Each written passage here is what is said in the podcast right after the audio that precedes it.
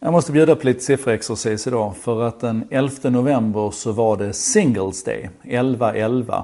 Och det är en stor högtid i Kina, eller har blivit en stor högtid. I nio år har man firat den och det är Alibaba som står bakom.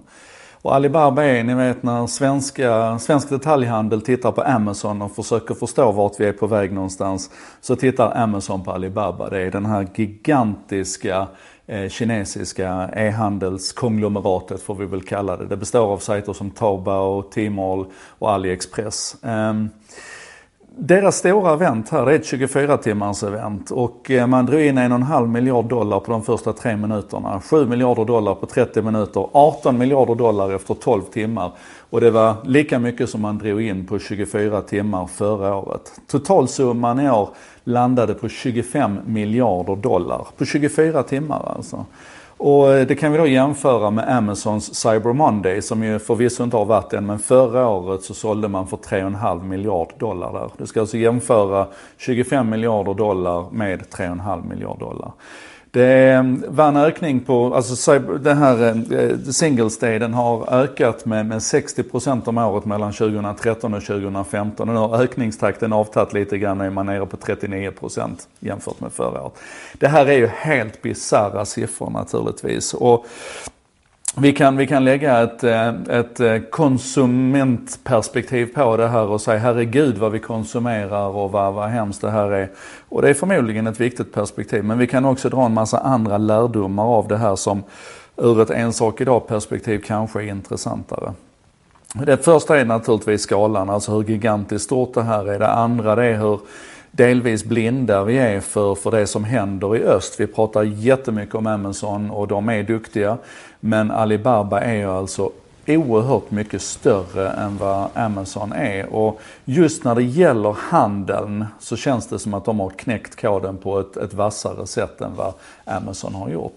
Amazon är ju jätteduktiga på research och development och utveckla nya tjänster och sådär. Men äh, Alibaba är otroligt spännande. Um, några lärdomar. 90% av ordrarna kom ifrån eh, mobiltelefonen. Alltså 9 av 10 som handlade, 9 av 10 ordrar som man la under de här 24 timmarna kom ifrån mobilen. De första minuterna så var det uppemot 97-98% av ordrarna som kom från mobiltelefoner. Och det är 82% uppifrån förra året, så mobilen fortsätter alltså öka.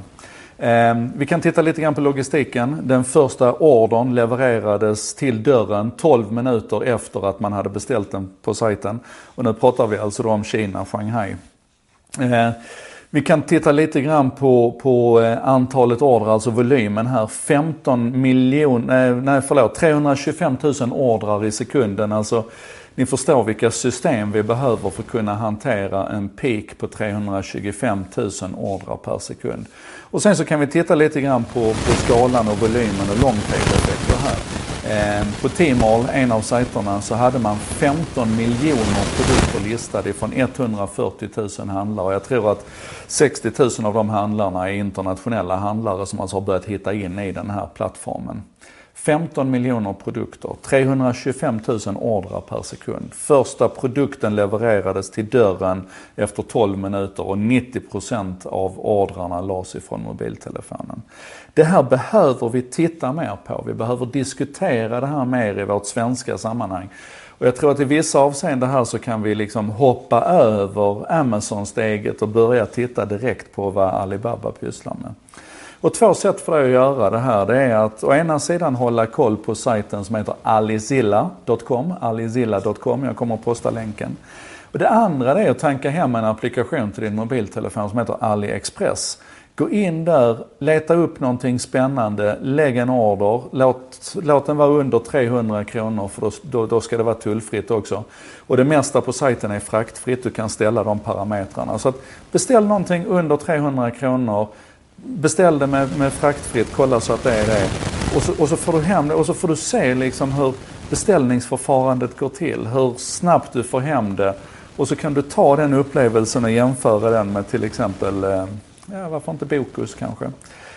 Anyway, eh, Alicilla ska du kolla på och AliExpress ska du ta hem och så ska vi fortsätta hålla ögonen på eh, Alibaba.